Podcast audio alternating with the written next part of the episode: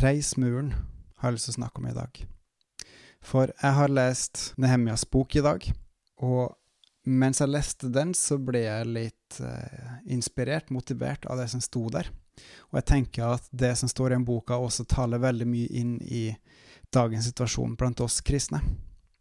For Nehemia han var altså en munnskjenk som levde etter Babylons eh, fangenskapet hvor Jerusalem, Noen hadde fått lov til å vandre tilbake til Jerusalem, men Jerusalem lå fortsatt nede.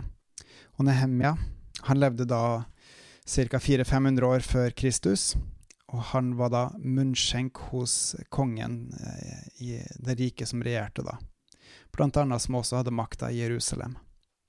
Nehemja fikk beskjed via sin bror at forholdene sto veldig dårlig til hjemme i Juda, i Jerusalem.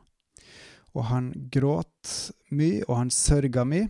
Og når han trådte framfor kongen neste gang, så vistes det sorgen så stort på han, og kongen hadde tydeligvis medynk, omsorg for han, og velvilje for han, og han fikk etter en veldig forsiktig framgang, så fikk han faktisk lov til å reise hjem til sin egen del av riket for å gjenoppreise byen.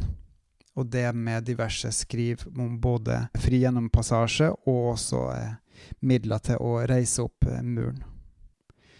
Når Nehemia kom tilbake til Jerusalem, så valgte han ikke å si noe til å begynne med, men han utforska hvordan det sto til med muren.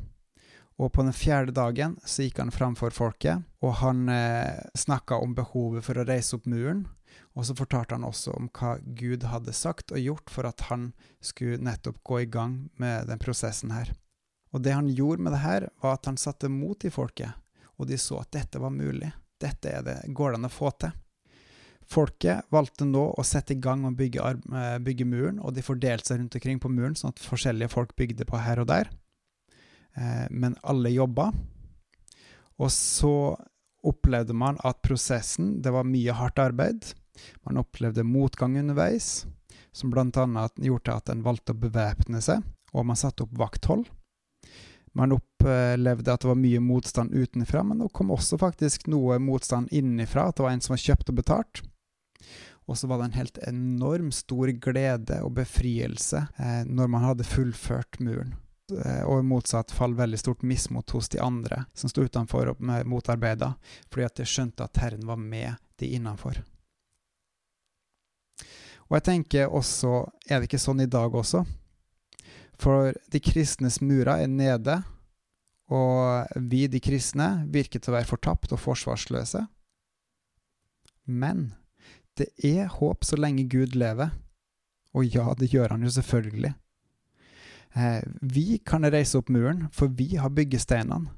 Vi, alle de som tror på Jesus her, er arbeidsfolkene, og Guds ord er bygningssteinene. Skal vi bygge en eh, mur for å forsvare bygget og støtte dem som er innenfor, så trenger vi til å lytte til kongen, til Herren, til Frelseren, til vår Far. Han har sannheten. Han er sannheten. Han vet hva som er rettferdig, hva som er godt og sant. Han vet hva sann kjærlighet, rikdom, glede og styrke er. Og den er kun i Han. I Han er vi sterke. I Han kan vi klare alt. I Han trenger vi ikke å frykte så lenge vi følger Han. I dag er, det, er dem som kaller seg kristne i Norge, en blanding av mange forskjellige folk. Det finnes både troende og ikke-troende, og så finnes det folk som tror at de tror på Gud, men som egentlig har laga seg en egen gud, altså gjort opprør mot Gud. Skal vi, som er hans folk, som følger han og vil at hans rike skal vokse, hjelpe til med å bygge muren, må vi lese hans ord. Guds ord er alt det som Gud sier både direkte til mennesker og gjennom Bibelen. Bibelen er Guds ord, og det er den, også den sikreste kilden vi har til Hans ord. Og skal vi bygge muren, må vi kjenne Guds ord så godt at vi ikke lar oss lure, men holder fast på å leve det som står der. Skal vi som Guds sønner og døtre kjenne Han og hva som er sant og godt, så må vi vite hva som står i Bibelen.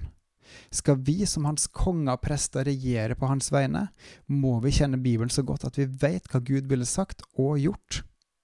Skal vi som hans tjenere tjene Han, så må vi kjenne Bibelens kjærlighet til Gud og Hans ord så godt at vi vet hvordan vi kan elske vår neste.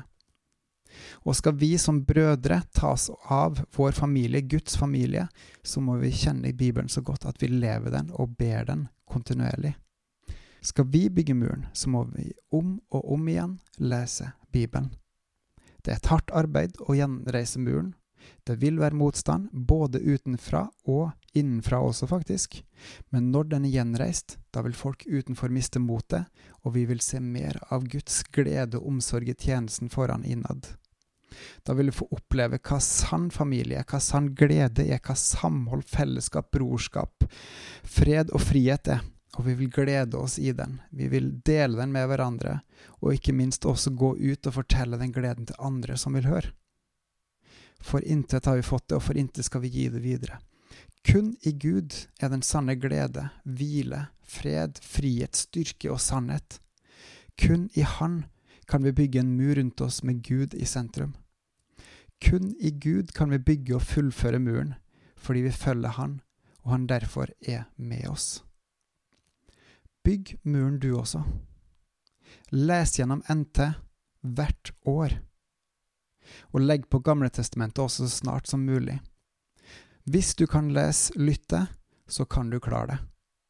Det finnes app-hjelp, det finnes lydopptak på YouTube, det finnes lydbibler i MP3-format å få kjøpt, det finnes fysiske bibler. Les og bli opplært gjennom lesinga.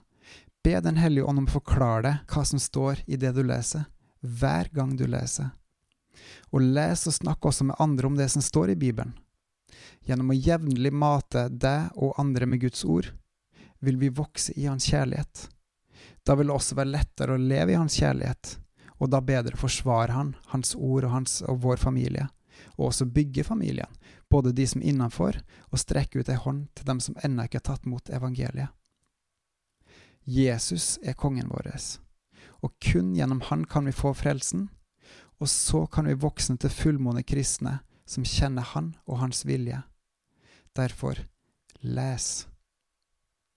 Og Bibelanbefalinga i dag er å lese Nehemias bok på tolv kapitler og bli begeistra for det viktige arbeidet med å gjenreise muren, for Guds og alles skyld.